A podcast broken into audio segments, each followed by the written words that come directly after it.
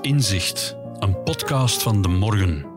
Ik ben Joël de Keulaar en in deze reeks praat ik met denkers, doeners en andere boeiende mensen aan wie ik vraag om een fundamenteel inzicht prijs te geven. Wat hebben ze geleerd over de wereld en het leven dat ze graag met ons willen delen?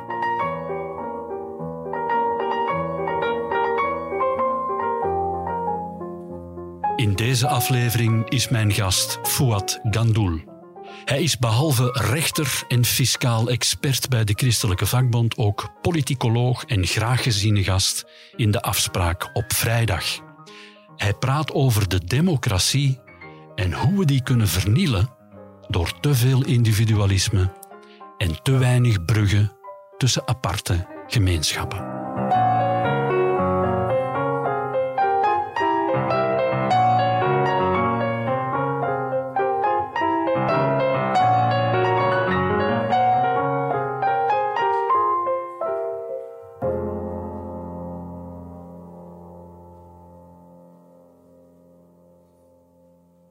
Fouad Gandoul, welkom in onze podcast. Mensen kennen jou natuurlijk. Uh, je bent regelmatig te gast bij Ivan de Vader in de afspraak op vrijdag. Je bent politicoloog. Twee wekelijkse column in De Tijd heb je. Een wekelijkse column in Het Belang van Limburg. Je bent rechter ook in sociale zaken. En verbonden aan ACV Limburg, dus een, uh, je werkt voor de vakbond ook, dat mag ik zo zeggen. Dus een man die op vele fronten tegelijk uh, aanwezig is en ook in het maatschappelijk debat. Welkom dus. Mijn vraag aan jou is dezelfde als de vraag die ik aan iedereen stel. Heeft jouw denk, studeerwerk, jouw schrijfwerk, jouw arbeid jou een inzicht opgeleverd waarvan je zegt, dit is echt een fundamenteel inzicht dat ik graag eens met iedereen wil delen? Wel, uh, allereerst bedankt voor de uitnodiging natuurlijk. Uh, de mensen zullen wel horen aan mijn accent dat ik van Limburg kom, dus als ik af en toe wat zing, is dat niet zo erg. Um, het fundamenteel inzicht uh, wat, wat ik door studie, maar vooral door ervaring heb opgedaan, is dat niets definitief verworven is. zeker niet de democratie. En uiteindelijk vergaat alles. En dat zal ook zo zijn voor de democratie. Tenzij dat we daar tijdig in kunnen grijpen en tijdig kunnen voorzien uh, dat de, de juiste aanpassingen uh, naarmate dat de tijd evolueert. Uh, elke samenleving is natuurlijk anders, elk tijdsgevricht is natuurlijk anders. Dus democratie moet zich aanpassen aan elk tijdsgevricht. De essentie daarvan moet overeind blijven, de modaliteiten kunnen veranderen. Maar het fundamenteel inzicht is dat niets definitief verworven is. En het mhm. ergste wat een democratie kan overkomen is, uh, is, is, is zelfgenoegzaamheid en apathie. Dat zijn de voornaamste ziektes van beschavingsziektes die gepaard gaan met de democratie. En leeft er, heb je het gevoel, in deze tijd te veel apathie ten aanzien van de democratie? Hebben te veel mensen het gevoel, ze is er, de democratie, en ze zal wel blijven bestaan? We hoeven niet te snel te panikeren, zijn we te zelfgenoegzaam? Ja, absoluut. We zijn niet alleen zelfgenoegzaam, het is nog eigenlijk veel erger. De, de apathie is gigantisch groot. Ik denk als, uh, als de blanco-stemmers een partij waren, dan was dat de grootste partij in, in, in de Kamer, de Federale Kamer. Dus wat dat betreft, er is wel degelijk een fundamenteel probleem. Los daarvan, er is ook iets wat um, eigen is aan de democratie as such. En dan verwijs ik we hebben het over inzichten, dus ik, ga dan, uh, ik, ik grijp dan naar, naar denkers die dat inzicht lang, lang geleden voor mij veel beter hebben geformuleerd. Alexis de Tocqueville, mm uh, die dan zegt over uh, de democratie in Amerika. Wat wij ook mogen denken, dat is allemaal fantastisch goed nieuws. Hè? Daar, daar, daar, daar gebeurt van alles interessant in Amerika. Maar er zit ook een heel grote zwakke plek in dat systeem. Met name de individualisering. De samenleving, naarmate dat die geïndividualiseerd wordt, creëer je eigenlijk een samenleving waar geen gemeenschap meer is. We moeten misschien even situeren, Alexis de Tocqueville, Franse aristocraat, die begin 19e eeuw, 1830 of zo, naar de Verenigde Staten van Amerika vertrok, een prille democratie toen, Inderdaad. om het gevangenissysteem te onderzoeken en daar een rapport over te schrijven. Maar toen hij daar toch was... Uiteindelijk heeft hij alles bestudeerd. Ja, en hij heeft uh, een fantastisch, een van de beste Ja, dat is letterlijk de Bijbel voor politologen. De dus Bijbel, ja. je kunt Over niet, de democratie in Amerika heet zijn boek. Ja. ja, je kunt niet iets zinnigs zeggen over democratie als je dat boek niet gelezen hebt. Hij beschrijft daarin een fundamenteel belangrijk eh, hoofdstuk, Le despotisme doux. Dus uh, zacht, zachte het zacht despotisme. Waarin hij zegt van, ik wil mij inbeelden op welke manier dat het despotisme zou kunnen terugkeren. En de beschrijving, als je dat vandaag leest, en ik, ik raad de, de, de luisteraars absoluut aan om dat te doen, doe jezelf een dikke plezier.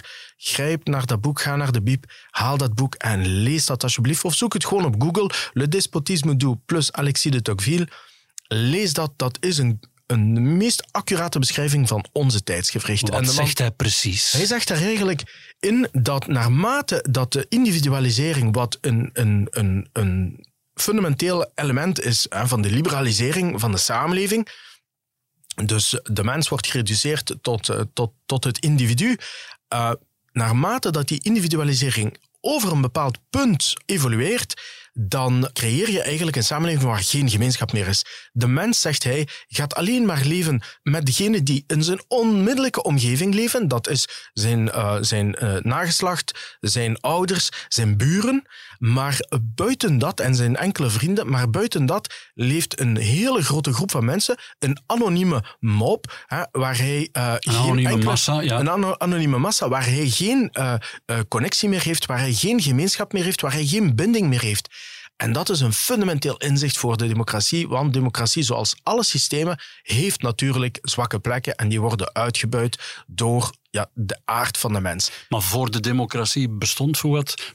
Misschien eerst even Ja. afspreken, dat hadden we nog niet gedaan. Wij kunnen elkaar tutoyeren, we Ja, kennen elkaar, tuurlijk. het is oké dat absoluut. we dat doen. Eh, voor alle duidelijkheid, voor de democratie besteden mensen toch ook voornamelijk aandacht aan hun nageslacht en hun vrienden en hun dichte familie enzovoort. maar er was ook zoiets als patria, het vaderland. Dat, dat, dat, dat concept van een gemeenschap was er zeer sterk. In de tijd van Alexis Tocqueville had je dat. Natuurlijk, aan de Franse, Franse revolutie heeft daar, heeft daar een, een, hele... eh, interessante evolutie in voortgebracht over wat is het concept van la patrie. La patrie was niet meer het ancien regime waar jij een vaste, ah, dus de klerus, de koning en een rijke mm, eh, 1% elite. Nee, nee, la patrie was eigenlijk veel, veel groter en dat is ook datgene wat eh, Jean-Jacques Rousseau en Du Contrat Social ook mooi beschrijft als het belang van de gemeenschap als, eh, als motor van vooruitgang.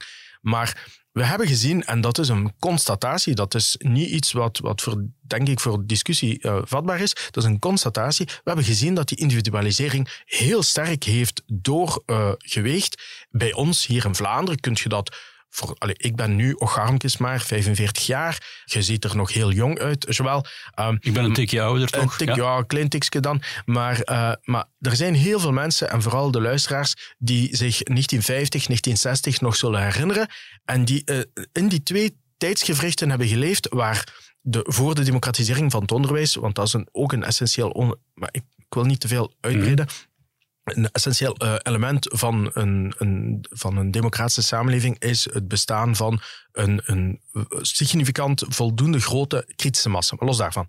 Dus maar eh, je hebt daar het gemeenschap waar de kerk eigenlijk nog heer en meester was over de samenleving in Vlaanderen. Dus ik denk dat de luisteraars zich dat wel nog een beetje wat voor de We hebben jonge luisteraars kunnen- ook, hoor. Dus Ja, er zijn er velen de- die dat, die dat niet ja, hebben die, die zich dat niet voor de geest kunnen roepen, maar je moet je voorstellen, een, een, een gemeenschap waar, eh, waar de pastoor letterlijk van deur tot deur zou kunnen gaan. Bij ons in Limburg was dat zo. Als jij als Vlaams eh, gezin eh, niet veel kinderen maakte, dan kwam de pastoor langs van, komt er nog iets van? Dus er was zoiets als een gemeenschap. En Mhm. dat gemeenschap was veel, veel groter dan alleen maar uw kleine cirkel van uw eigen gezin Ja. en enkele vrienden van u. En link dat is aan, hoe- want voor, je, je, Ja. je, je, je, citeerde Alexis de Tocqueville, Ja. dat is 1835 is dat boek verschenen. En nu heb je het over de jaren 50, gemeenschapsgevoel, dat ondertussen verloren is gegaan. Link die twee aan elkaar. Heeft, ja, hij zegt daarin- Wat, wat is er aan de democratie dat die individualisering zo doet doorschieten? Want dat is een beetje je punt. Hè? Ja, wel, het, het is de essentie van de democratie zoals wij, eh, zoals wij die hebben s- sinds de verlichting. Is de democratie eigenlijk geënt op de individualisering en op de liberalisering van het individu. De ontvoogding van het individu. We hebben het niet over de ontvoogding van een gemeenschap, maar van het individu. En een, eh, je ziet ook vanaf de jaren 50 enfin, daarvoor ook, hè, dus de Liberale Partij was natuurlijk aanwezig sinds uh, de, de, conceptie van, Vla van, van België. Dat was altijd de strijd tegen de klerus. Altijd de strijd tegen datgene wat, uh, wat weegt op het individu. En, mm -hmm. en op zich, die strijd was... Dat is goed. Dat was goed. Dat was heel goed, natuurlijk. Ah ja... Uh, Leven het individu toch? Ja, maar... Het individu op zich is niet voldoende om een gemeenschap te vormen. En een gemeenschap is, een motor, is de motor van de democratie. Precies, nu komen we aan je punt. Je kunt geen gezonde democratie hebben zonder gemeenschapsgevoel. Voilà. Ja, en, en dan niet alleen. Gemeenschap is fundamenteel belangrijk. Maar wat doet je bijvoorbeeld in een samenleving zoals de onze, die on, in geen enkel opzicht vergelijkbaar is met 1950 of alle jaren daarvoor, de hyperdiversiteit die aanwezig is in die gemeenschap. En dan kom je tot een ander essentieel probleem. En dat zijn, in de sociologie spreekt men van uh, bindend en overbruggend sociaal kapitaal. Wat wil dat zeggen? Bindend sociaal kapitaal wil zeggen dat individuen met elkaar een relatie aangaan een, een verstandhouding aangaan die niet noodzakelijk wil zeggen dat je allemaal hetzelfde moet denken. Je kunt met iemand die radicaal anders denkt, kun je ook een relatie mee opbouwen, want je vormt op dat ogenblik een gemeenschap. En naarmate dat die gemeenschap groeit, is dat gezonder voor de samenleving, voor de democratie, want je creëert solidariteitslinken. En dat is fundamenteel. Dan het tweede, en dat is de, het probleem van onze samenleving vandaag, is het overbruggend sociaal kapitaal. En daar zijn we eigenlijk heel, heel lang in gebreken gebleven. Wat is dat precies? Wat Overbruggend sociaal kapitaal? Moet u voorstellen, we zitten in... Uh, ik, ik, het is misschien cliché, maar uh, we zitten in West-Vlaanderen. Ja, ik vermoed dat daar niet, uh, niet evenveel uh, allochtonen rondlopen als bij ons in Limburg. Maar pak u roep u voor de geest een typisch West-Vlaams dorp waar geen of nauwelijks allochtonen rondlopen. Dat gemeenschap, dus dat dorp, die kennen elkaar. Die weten wie van wie de zonen, de kinderen zijn, wie met wie getrouwd is, wie met wie gescheiden is. Heel de Santenbediek. Dat weten die allemaal van elkaar. Dat is een gemeenschap. En dan plots komt daar ineens een Marokkaans, Turks, whatever gezin uh, Chinees gezin, laat ons heel exotisch gaan. Mm. Uh, we nemen een Chinees, uh, Chinees gezin en je zet die daarin. En die Chinezen natuurlijk, ja, dat zijn mensen die even goed als de Vlamingen hun eigen cultuur zeer dierbaar achten. En die natuurlijk zich op een bepaalde manier gaan gedragen, een aantal dingen gaan eten, gaan niet eten, een bepaalde culturele patronen gaan ontwikkelen. En dan moet je je voorstellen, is daar een connectie tussen dat oud... Uh, hoe leg je dat, de brug daar ja, tussen hoe leg je de brug tussen die twee? Fundamenteel belangrijk, want als je dat niet doet, ga je eilanden creëren. We hebben eilanden tegen de sterren op. Hè. In Brussel heb je eilanden met alleen maar moslims, met alleen maar whatever. Hier in Antwerpen heb je ook eilanden. Hè. De, de, de Gassidim vormen de facto een eiland in Antwerpen. Ik hoor een beetje een analyse die bijvoorbeeld Bart de Wever ook maakt. We leven te veel naast elkaar, vaak. Ja, ja maar niet alleen Bart de Wever. Niet alleen, nee. Steve, Steve Stevaart heeft dat in zijn tijd ook gezegd. Uh, uh, Wouter Beken heeft dat toen hij voorzitter was van, uh, van CD&V, heeft hij dat ook gezegd van ja, we, we, moeten, we, we leven te veel langs elkaar, maar meestal blijft het bij de constatatie. En we komen daar eigenlijk eh, geen recepten of geen remedies om te zeggen van oké, hoe gaan we dan die bruggen bouwen? Want de Bouw er eens eentje. Bouw eens eentje. Wacht even. Hè. Dus Van het moment uh, de, het gemakkelijkste is om de analyse te maken, te zeggen van ah, en voor ons, zegt NVA, de remedie is, zij moeten gelijk ons worden de facto komt het er in feite op neer een vorm van culturele assimilatie. Ja, er is een light cultuur. En light cultuur. Dus men gebruikt, men hanteert een semantiek die eigenlijk zeer, zeer sterk gericht is op zij moeten worden gelijk wij. We weten uit onderzoek dat dat niet werkt. We weten dat uit onderzoek. Dat is, dus op dat vlak ben ik, ben ik heel blij. En uh, allez, ik ben naar hier gekomen met de bedoeling om een bepaalde inzichten te, te, um, met, met, u te delen. En dan denk ik vooral aan mijn achterkleinkinderen, die niet, nu niet leven. Nee. Um, en die misschien ooit, misschien deze podcast te horen krijgen en zeggen van, ah, onze overgrootvader, die had er keer eens over nagedacht. Maar potverdikke, die, die heeft het toch... Ik zie dat nu nog gebeuren. En dat zal ook zo zijn in die tijd. Dat zal ook zo zijn. Je moet zorgen dat je een gemeenschap vormt met mensen die verder van u afstaan, die een andere culturele code hebben. Waar, en de, de werkelijkheid is natuurlijk weer barstig, dat begrijp ik ook wel. Maar dat veronderstelt een deel van geven en nemen. Niet een one-way. Je kunt niet zomaar zeggen tegen de mensen, jij komt van Huppel de Pup, we hebben je ooit naar hier laten komen om te komen werken. In mijn geval, en mijn ouders zijn gekomen om hier te komen werken, zijn met een contract naar hier gekomen. Maar ook vluchtelingen, hè, Syriërs, Irakezen, die doen hun stinkende best om de taal te leren. En daar mag ook iets tegenover staan. Waarom zouden wij niet in staat zijn om een deel van hun identiteit, een deel van hun cultuur te laten in de plooien te laten vallen van de Vlaamse cultuur. En dat is een verrijking van de Vlaamse cultuur, denk ik dan. Kijk, Gebeurt dat niet een beetje automatisch? Nee, absoluut niet. Ah, nee. zeker niet. Zeker niet. Want, ervaar, want jij bent zelf, inderdaad, je bent van Marokkaans, je hebt Marokkaanse roots. Je ouders zijn uh, hier naartoe gekomen. Ja. Maar ervaar je dat niet? Is er niet toch op een of andere manier al een soort, ja, die Vlaamse identiteit heeft die mensen van Marokkaanse origine al niet op een of andere manier de in zich opgenomen? Ja en nee. De Marokkaanse gemeenschap is misschien een atypische gemeenschap, omdat het niet echt een gemeenschap is. Waarom? Omdat die op zich al divers is. Ja.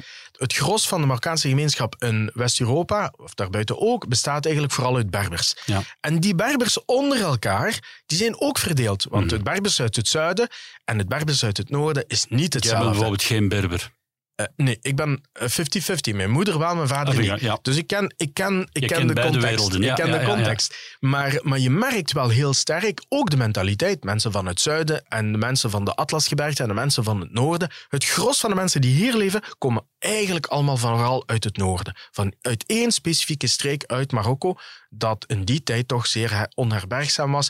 En dat was ook de reden waarom dat de, het gros van die mensen op een gegeven moment de boot op zijn gegaan of de, of de, of de, of de vliegtuig uh, op weg naar, naar Europa om een beter, uh, een beter leven te zoeken.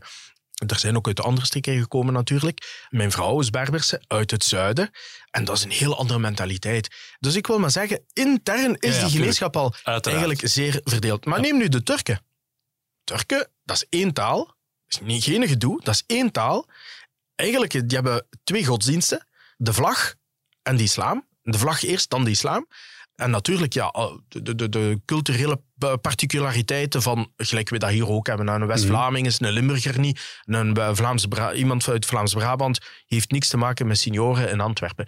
Die diversiteit hadden natuurlijk ook onder de Turken, maar die zijn zeer, zeer, zeer sterk nationalistisch. En die zijn zeer geënt op hun gemeenschap. Mhm. Uh, en dat, is niet gezond, zeg je? Dat is wel gezond. Dat, is, ah, dat is voornamelijk, dat is belangrijk. Maar wat daar te, te, te, weinig gebeurt en wat, wat dan bij de Marokkanen wel veel meer gebeurt, is het overbruggend sociaal kapitaal. Mhm. De Turkse gemeenschap die trekt vooral samen. Als je naar um, Brussel gaat of bij ons in, in Limburg komt, Husde, Beringen, noem maar op. De Turkse gemeenschap is zeer sterk georganiseerd, wat de Marokkaanse gemeenschap veel te weinig of helemaal niet is. Hanteren vooral de moedertaal en koesteren die moedertaal ook. Ik heb daar respect voor wil niet zeggen, voor alle duidelijkheid, je moet als je hier in dit land komt, vind ik absoluut, je moet de taal van, van, van, van de gemeenschap waar je in terecht komt, moet je leren. Als je dat niet doet, kiest je de facto voor verpaupering. De facto is dat verpaupering. Je moet dus de taal... Maar dat wil niet zeggen dat jij dat je je eigen taal niet mocht spreken in je gemeenschap of in familiale banden of whatever, of in, of in, in, verenigingen. Want er is hier uh, vrijheid van verenigen, dus jij mocht u organiseren. Ik zie dat ook bij de Italianen. En ik ben van Genk, hè, zoals je weet. Dus bij ons in, in, in Genk heb jij de Lucchese, de Abruzzese, de Sicilianen, noem maar op. En wat hebben die gedaan? Nog lang voordat er een Turk of een Marokkaan rondliep. Het eerste wat die deden was, we gaan ons organiseren. We gaan verenigingen organiseren. Mhm. En we gaan datgene wat wij hebben, wat wij mee hebben gekregen van, van, van ons moederland, dat gaan we koesteren. En ik vind dat goed, want die zijn er wel in geslaagd om dat overbruggend sociaal kapitaal te bouwen. En daar bouwt geen gemeenschap mee. En dat is exact wat ik... Wat ik dat, is, dat is het punt dat ik probeer te maken, is het, het belang van gemeenschapvorming en we moeten vooral opletten met de doorgestoten of doorgedreven, die individualisering die alles vernietigt. Dus uiteindelijk sterft democratie.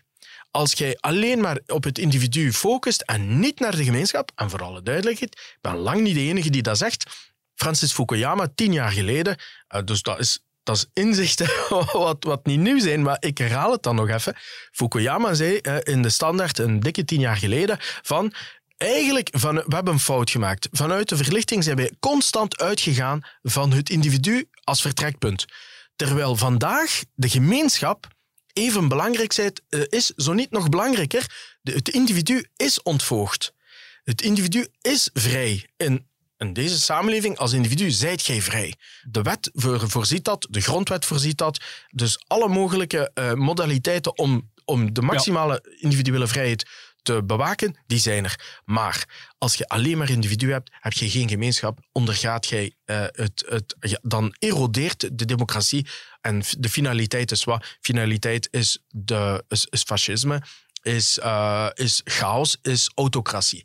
Dat is wat de toekomst is van een democratie als je niet meer over gemeenschap kunt spreken. En dus je achterkleinkinderen, hè? want je zei van als die later ooit naar deze podcast luisteren, jouw achterkleinkinderen, wat vermoed je dat de situatie is waarin zij zullen leven? Want we spreken wel over nog behoorlijk wat decennia.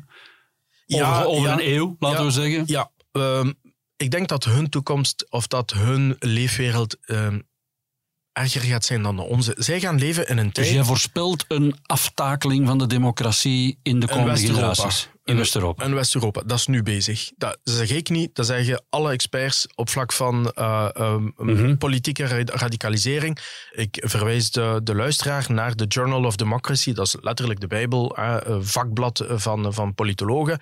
De Journal of Democracy moet een keer eens kijken naar de artikelen die verschenen zijn over de erosie van de democratie, vooral door de opkomst van extreem rechts far-right. Ze noemen dat far-right radicaal rechts. Mhm. Maar radicaal rechts in alle landen, West-Europa, alle belangrijke democratieën, is on the rise, hè, is aan het stijgen. Van waar komt dat?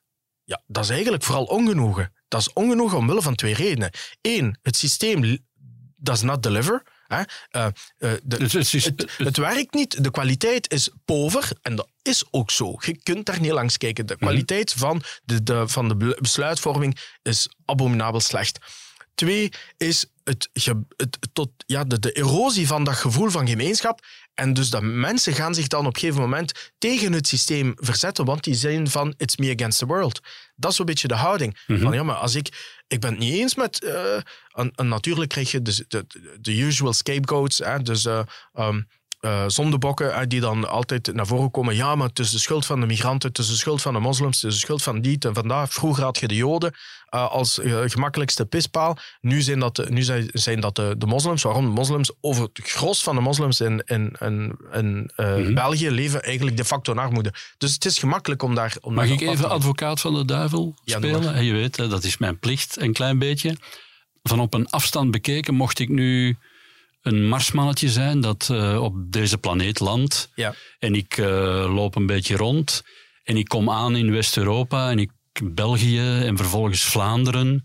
Dan zou, denk ik, mijn conclusie op het eerste gezicht zijn: dit is het paradijs. Hier wil ik komen wonen. Misschien Scandinavië, dat is ook niet slecht. Singapore is misschien ook nog... Nu, nu, nu. Nu, nu, nu. Ja, afhankelijk van waar. Als We leven in een paradijs. Ja, wacht. Als dus is je analyse niet wel zeer pessimistisch. Nee, absoluut niet. Want als, ik, als jij als marsmannetje zou gedropt worden in een of andere ghetto in, in Brussel, denk ik niet dat het paradijs is. Als ik u zou droppen in een of andere achterbuurt eh, bij ons in Limburg of, een, eh, of hier in Antwerpen zelf, dat is niet het paradijs. Dat is absoluut niet het paradijs.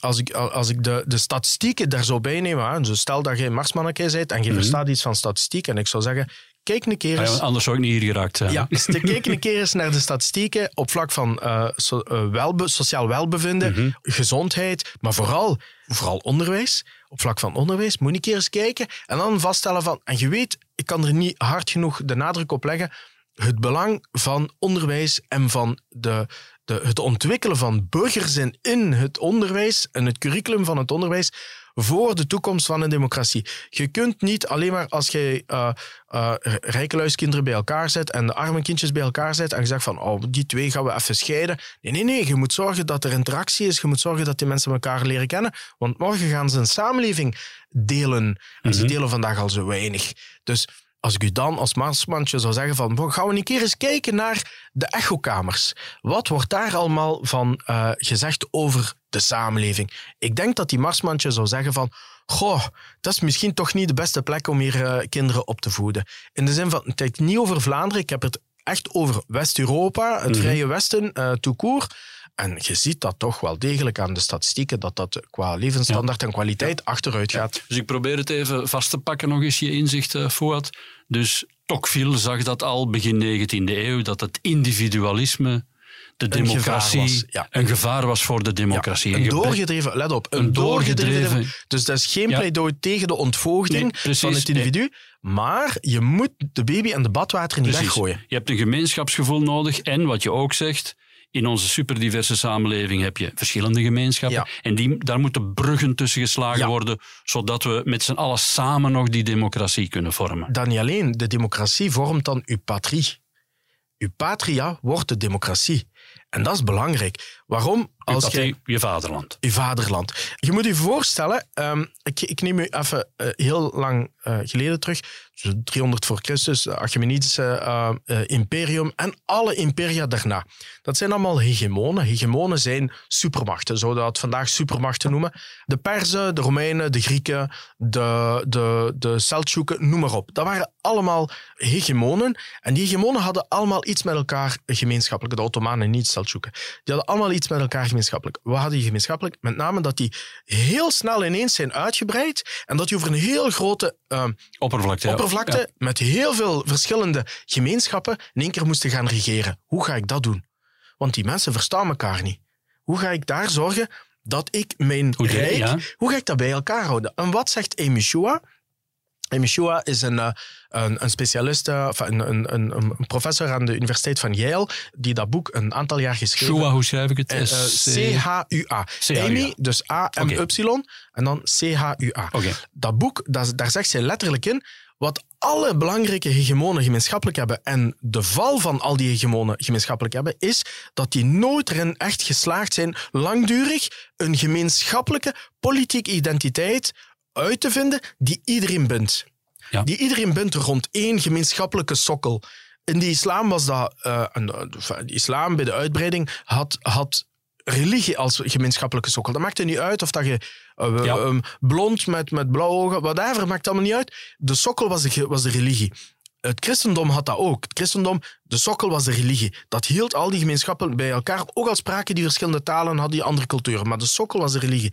Maar de religie is nu eigenlijk eh, ja, gedegradeerd tot een, een randfenomeen, zeker in eh, West-Europa. En dus moet er iets in de plaats komen. En wat is dat dan? Dan is dat wat mij betreft burgerzin. Burgerzin. Burgerzin als burgerzin moet. Democratie is een werkwoord. Democratie is niet een verworvenheid, dat is een werkwoord. Als je dat niet doet, dat is zo gelijk mij, je ziet me hier nu zitten. Als jij niet sport, dan word je dik. Wat zijn dan de minimumvereisten die je aan een burger mag stellen, vind je? Wel, één, het is niet zo dat, eh, dat jij als, als burger één keer om de vier jaar, eigenlijk of vijf jaar in ons geval, eh uw mening gaat zeggen. Eh, en op die ene zondag ga ik een keer eens goed ventileren en dan ga ik eens mijn, mijn gedacht zeggen. En daarna ga ik naar huis, ga ik naar de koers kijken en, eh en, en, en frieten Maar bakken. ik heb dat recht toch? Ik ga kiezen. Ja, ja, ja. ik ja, kies ja. vertegenwoordigers. En vervolgens, ja jongens, ik ga het land niet besturen. Ik heb een job, ik heb kinderen, ik heb En werk toch- en ik wil naar de koers zien. En toch, ja, je mocht naar de koers zijn, dat is allemaal geen probleem. Maar je moet je engageren voor de democratie. Democratie veronderstelt het engagement van mensen dagdagelijks. Niet wanneer je moet, hè, één keer om de vijf jaar, maar dagdagelijks, wekelijks. Je moet je organiseren. Democratie wil zeggen dat je, dat je verenigingen gaat organiseren die belangen, bepaalde belangen, gaan, gaan veruitwendigen, hè, gaan, gaan expliciteren. Die kunnen gecapteerd worden Ja. door, door het beleid en die daar beleid Ja. rond kunnen bouwen. Met alle respect, eh Fuad, maar hey, jij, bent jij bent een buitengewoon geëngageerd iemand. Hè. Dat blijkt uit al je activiteit. Je bent bij de vakbond enzovoort, politicoloog. Je neemt deel aan het maatschappelijk debat. Ik weet dat jij in Limburg in heel veel verenigingen... Je bent een zeer actief man en aanwezig enzovoort en zo verder. Maar vraag je nu niet te veel aan... Die 10 miljoen andere Belgen hebben die mensen Daarom niet het recht om te zeggen: kijk, Ja. ik heb mijn leven, ik gedraag mij, ik probeer in de mate van het mogelijke de wet te respecteren. Ja. Af en toe bega ik eens een verkeersovertreding, Ja. vergeef me, ik betaal mijn boete. Maar ik heb een job, ik heb een familie, ik moet mijn, eh, ik moet mijn gras eh, maaien. Maar rond eh, al die enzovoort kunt En jij- moet ik mij nu ook nog per se engageren en zo verder? Moet dat? Engagement is fundamenteel voor democratie. Zonder engagement is er geen democratie. Punt. Ja, Punt. niet- vind, je dat maar- niet een be- vind je dat geen streng moreel oordeel dat je nee, absoluut niet. Dat is, dat is een, dat is een, dat is een failsafe. Dat is, dat is letterlijk de failsafe van de democratie is engagement. Failsafe, hoe, hoe, een failsafe hoe- wil zeggen dat, dat, dat, dat, zeggen dat de noodrem van de democratie is dat je dat hebt. Dat je, dat je weet van ah, er is een, daar is een kritische burgergemeenschap die mij als overheid, als uitvoerende macht en ook als wetgevende macht controleert en ook in staat is om dat te doen. Dat doen we bij de als het verkiezingen zijn. Hè? Ja, nee, nee, nee. Op, eh, bij verkiezingen doen wij eigenlijk eh, iets anders. Bij verkiezingen is het meestal de emo die regeert en niet de ratio. Meestal de emo in de zin van... Goh, ik versta die mensen niet, wat die allemaal zeggen op tv, wat die allemaal klappen. Die zijn met elkaar, de ene tegen de ander, met statistieken zitten ze te gooien tegen elkaar. De ene zegt, nee, het is niet 3%, het is 5%.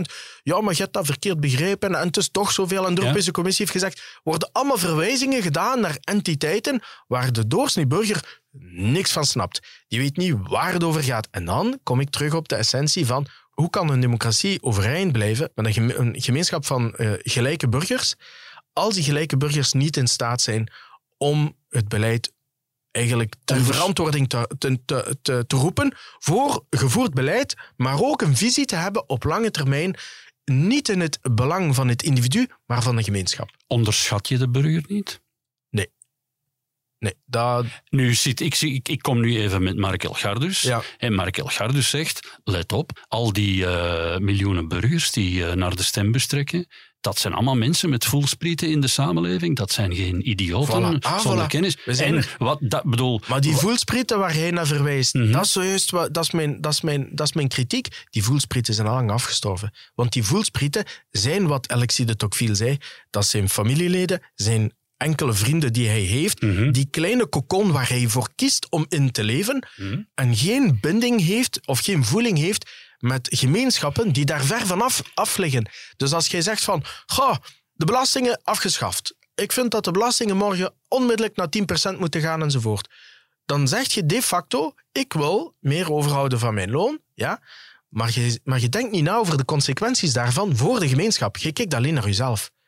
Ik kan begrijpen dat mensen zeggen van, ja, maar er is te veel, we betalen te veel belastingen. Feitelijk de facto zo. Werknemers betalen in dit land buitensporig veel belasting. Er zijn twee debatten die je daarover kunt voeren. Eén, hoe wordt dat, hoe wordt dat geld gespendeerd? Letterlijk, dat, dat, dat, dat, pff, Nee, goed, dat is complex, Dat, moeten we, dat- dat ja. moeten we- nou, dat wil ik een andere keer komen ja, ja, uitleggen. dat is een heel ander verhaal. Ja, eh, en het tweede is, in het belang van wie? In het belang van wie wordt dat geld uitgegeven? En, en kom ik dan daar aan bod of niet? En dan, in de psychologie, bestaat er een theorie van de sociale deprivatie. De relatieve sociale deprivatie wil zeggen, wanneer het ietsje beter gaat in de samenleving, wanneer je ziet dat de economie begint te draaien en dat er een grote groep, of een andere groep is, die het veel beter, die veel beter en sneller vooruit gaat dan jijzelf, jij blijft ter plaatse trappelen. Ik denk aan de poetsvrouw, ik denk aan de mensen die met dienstenchecks werken, Mhm. ik denk aan mensen die ehm, arbeid verrichten waar de samenleving op neerkijkt. Onterecht, want probeer maar eens een week zonder eh, afval ja, hè, als ja. ik het zo mag uitdrukken. Ga een keer eens kijken in Parijs wat er nu ja. gebeurt. Probeer dan maar eens een, een maand zonder vuilnismannen te doen. Ik denk dat we, dat we onmiddellijk die Ja, we zitten nu in sociaal conflict in, eh, in Parijs. Voor de achterkleinkinderen die dit horen, dit is 2023. Ja, ja. Voorjaar 2023. ja, in Dus Parijs eh, is lopen- er alles aan de hand. maar dus- daar gaan we nu niet verder Nee, over nee, is alleen het, het voorbeeld dat ik wil aangeven is van... Er is, dus er is een groep van mensen die dat dan vaststellen. Zeggen van, oh, de beurscijfers gaan, gaan vooruit, de Ja. dividenden groeien. Ja. Ah, maar ja, dus het gaat wel goed. Maar waarom blijf ik ter plaatse trappelen? Ja. Waarom blijf ik ter plaatse trappelen? Waarom eh, blijft het Die steken? kunnen toch in het Waarom stemhokje kiezen voor de partij van hun keuze die belooft om daar iets aan te doen? Ja, tuurlijk. En uh, stevast ziet je ook die, die- dat die blokken ongeveer een beetje hetzelfde zijn van verkiezing op verkiezing met exact hetzelfde resultaat. Niks dus. Ik geef een voorbeeld. Hoe lang zijn wij in, in België en Vlaanderen al aan het zeggen van er moet een fiscale hervorming komen? Ja. Altijd bij elke verkiezing, elke partij zegt er moet een fiscale hervorming komen. En toch gebeurt dat niet. Waarom niet? Eh, Er is een, er is een, een zero-sum game in het Mijn parlement. stelling is, er zal weliswaar met kleine stapjes gaandeweg een fiscale hervorming komen. Jouw achterkleinkinderen zullen, geloof me, in een ander fiscaal stelsel leven als wij. Dat is mijn Ja. optimisme. Ja, maar, maar dan Denk je dat ook niet? Jouw achterkleinkinderen zullen niet in hetzelfde fiscaal stelsel leven als vandaag. de, dat is ook logisch. Waarom? Omdat de, de situatie. Ja, maar je is zegt al... dat het vastzit. En- Nee, nee, nee, ik- nee. Ik zeg dat het Ja. systeem dat niet toelaat om fundamenteel belangrijke eh, hervormingen door te voeren, Ja. waarvan we weten dat die noodzakelijk zijn. En dan kiezen we voor, ja, hoe heet dat dan? De incrementele aanpak. Incrementele Stapje aanpak, voor stapje stap stapje. voor stap, muizenstapjes vooruit. Ja. De blueprint nu eh, van Vincent van Petegem, voor mijn kleinkinderen gaan dat niet, weten, maar... om, om, het even Ja. weg, om het even weg te trekken van dit concrete voorbeeld. Ja. Hè? Vind jij het stapje voor stapje principe niet buitengewoon gezond in een democratie? Ik hou niet zo van revoluties. Ik weet niet hoe jij daar tegenover staat. Oh, Zo, er zijn mensen, als Wat denk mensen je dan zeggen... van 1789? Eh, ik, van 1789 denk ik dat die is uitgemond in eh, de meest bloedige terreur die je je kunt voorstellen. ja, Eh, De kinderen van de revolutie zijn met, met duizenden onthoofd, dus dat is uitgemond in terreur, dat denk ik daarvan. ja, ja, ja, maar Dus ik ben geen groot voorstander van van revoluties. grote revoluties. Als ik iemand hoor zeggen, Fuad, we zijn nu in, in, in, Ja, in debat een maar beetje, vooral we moeten, van een wit, de revolutie. We moeten van een wit blad beginnen, dan stop ik al met luisteren. In een democratie kun je niet van een wit blad beginnen. Je En moet, het is beginnen, precies daarom, je moet beginnen met wat er is. Ja, het is precies daarom dat die erosie eigenlijk onafwendbaar is. Daarom. Exact waarom, dat wat jij nu zegt. Daarom is die erosie onafwendbaar. En ziet jij on, overal onmiskenbaar de opkomst van extreemrechts opkomen. Waarom? Omdat die stem voor extreemrechts is vooral een stem van fuck de status quo. Wij willen weg van die status quo. De status quo dient ons niet. Wij zijn degene die ondergaan, eh, beleid ondergaan. Wij kunnen daar niks tegen inbrengen. Eén, omdat we het niet verstaan. Maar vooral twee, omdat wij het gevoel hebben, terecht of onterecht laat ik het midden, maar het gevoel hebben dat wij gepasseerd worden, dat niemand eigenlijk naar ons kijkt, niemand naar ons luistert. Als jij iemand hebt die zegt, ik als gewone Vlaming, ik trek het even op flessen, ik zet het ook zwart-wit, maar de bedoeling is, eh, Mhm. is positief bedoeld. Ik als gewone Vlaming, ik heb een gewoon werkske enzovoort, en mijn straat was helemaal blank, en die is nu helemaal divers. Ik verstaan die mensen niet. Ik verstaan die mensen niet. En de relaties die ik had met de mensen die ondertussen al overleden zijn, want die mensen wat overleden Mhm. zijn, worden dan, die huizen worden verkocht en ja, Mhm. degene die biedt, die koopt die. Hè. Maar ik verstaan die mensen niet, die spreken mentaal niet. Dat gevoel van ontheemding, daar heb ik begrip voor. Mhm. Ik heb daar begrip voor. Ik ga niet zeggen tegen die mensen, jullie zijn allemaal dikke racisten. Nee. Waarom niet? Omdat exact hetzelfde gebeurt in eender welk land. Als ik u vandaag zou moeten meenemen naar Marokko, Ja. hetzelfde verhaal lees ik in de Gazette in Marokko, hetzelfde lees ik in... Israël is een ander verhaal. In, in Frankrijk en noem maar op, in Italië, waar de diversiteit ook heel sterk aan het groeien is en waar eh, de, de jeugd heeft daar geen probleem mee, omdat de jeugd spreekt de taal hè, van, van things. Maar het gaat dan vooral voor de eerste generatie, tweede generatie zelfs soms, die eh, wat moeite hebben met die taal. Ja, als je zegt de jeugd heeft daar geen probleem mee, dat is buitengewoon veelbelovend voor de toekomst. Nee, niet noodzakelijk, omdat dat veel te lang duurt.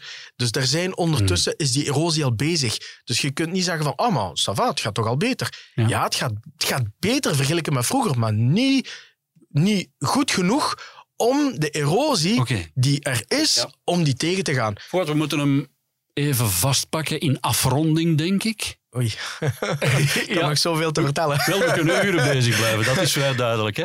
Maar we moeten hem even vastpakken in afronding. Ik denk, als ik probeer te begrijpen wat je zegt, ben je relatief pessimistisch gestemd aangaande de nabije toekomst van onze West-Europese democratie. Eh, Ik ben vooral pessimistisch omwille van de inertie. De inertie die manifest Dus in inertie, de onbewegelijkheid is een tanker die je niet in beweging Ja, krijgt. dus de, Ja. een van de, van de fysische wetten van Newton zegt... Ja, ja, de wet van de, ja, wet van de traagheid... Inertie, google dat maar eens, Voilà. beste luisteraar. verandert niks tenzij dat er een kracht op inwerkt, eh, zodat die koers verandert. Hetzelfde met de mens in de democratie. Een samenleving gaat in een bepaalde richting, tenzij dat er een kracht op inwerkt, zodat die van koers verandert. Die externe kracht, dat kan dan zijn de, de beurs, dat kan zijn een externe schok, een oorlog of noem maar op. Dat verandert Dat vind ik een hele mooie, want dan zou mijn slotvraag zijn, en mijn bede om beknopt te ja, antwoorden, oké, ik ga proberen. welke externe kracht... Dus je hebt het nu even voor het zeggen. Of hey, je hebt het nu niet voor het zeggen, want dan zijn we autoritair bezig natuurlijk en we blijven binnen de democratie. Maar jij mag nu even je verbeelding laten spreken. Welke externe kracht zou jij graag op ons West-Europees democratisch systeem zien inwerken om het toch nog een wending ten goede te geven? Dat is een heel moeilijke vraag. En beknopt daarop antwoorden ga ik niet kunnen. Ehm, kijk, die externe krachten zijn niet iets wat jij kunt op u afvragen. Of zeggen dat op u bestellen. Je kunt dan niet zeggen van, goh, als dat er nu was, dan zouden wij veranderen. Nee. Als Mag een jij... interne kracht zijn dan iets dat we zelf proberen uh, op gang te brengen? Laat ik het anders even uitdrukken. Stel een, een, een, iemand die een beetje wat obese is, die gaat naar een dokter. En die zegt tegen de dokter, dokter, eh, kun ik hier eens kijken of alles in orde is? Een dokter zegt, jaar op jaar op jaar, Jean, je gaat moeten opletten, je tikker, dat is niet meer 100%. Op een gegeven moment maakt Jean een uh, crisis cardiac mee. Een, een, een hartstilstand. Ja. ja. die gaat terug naar een dokter en zegt van ja, ik moet iets doen. De dokter schrijft schoktherapie voor. Regime, bewegen, noem maar op. Alle dingen die we al weten dat we moeten doen, maar we doen het niet omdat wij in die inertie, in die, in die traagheid zitten, in die, die, die, dat onvermogen om te willen veranderen. Ja, we doen pas iets als het eigenlijk bijna te laat is. Voilà. En dan is het ook te laat dan is het ook te laat. Als Bart Wever verwijst naar een Weimar-moment, mm dat is een verwijzing naar een, een periode in de geschiedenis mm waar de democratie gefaald heeft. Het was niet snel genoeg veranderd. Daar konden allerlei dingen in de machinerie van, van Weimar kon men verschillende dingen veranderen. Als men alleen al het, het kiessysteem had veranderd, was mhm. Hitler nooit verkozen. Maar men is te laat geweest met, en, eh, met essentiële veranderingen door te voeren, met hervormingen door te voeren. En vooral om perspectief te geven aan die burger, zodanig dat die burger op een gegeven moment gezegd: fuck het allemaal, nu gaan we, nu gaan we voor de radicalen. Fouad, ik hoop dat jouw achterkleinkinderen ooit naar deze podcast luisteren. Ja, ik hoop het ook. en zullen zeggen: overgrootvader was een slimme man, een gedreven man uh, passioneel verdediger van de democratie. Maar gelukkig zat hij er een klein beetje naast. ik hoop het ook. Het is eigenlijk allemaal goed gekomen. Maar ik hoop het eerlijk gezegd ook. Maar ik ben er redelijk pessimistisch in. Maar toch dank ik jou. Graag gedaan. U luisterde naar een aflevering van Het Inzicht, een podcast van De Morgen. Ik bedank Dries Vermeulen voor de productie en Sam Vijs voor de eindredactie. Meer afleveringen van deze podcast vindt u in de app van de morgen of via Spotify of Apple Podcasts. Als u graag reageert, dan kan dat via het e-mailadres podcasts.demorgen.be. Grote dank dat u luisterde.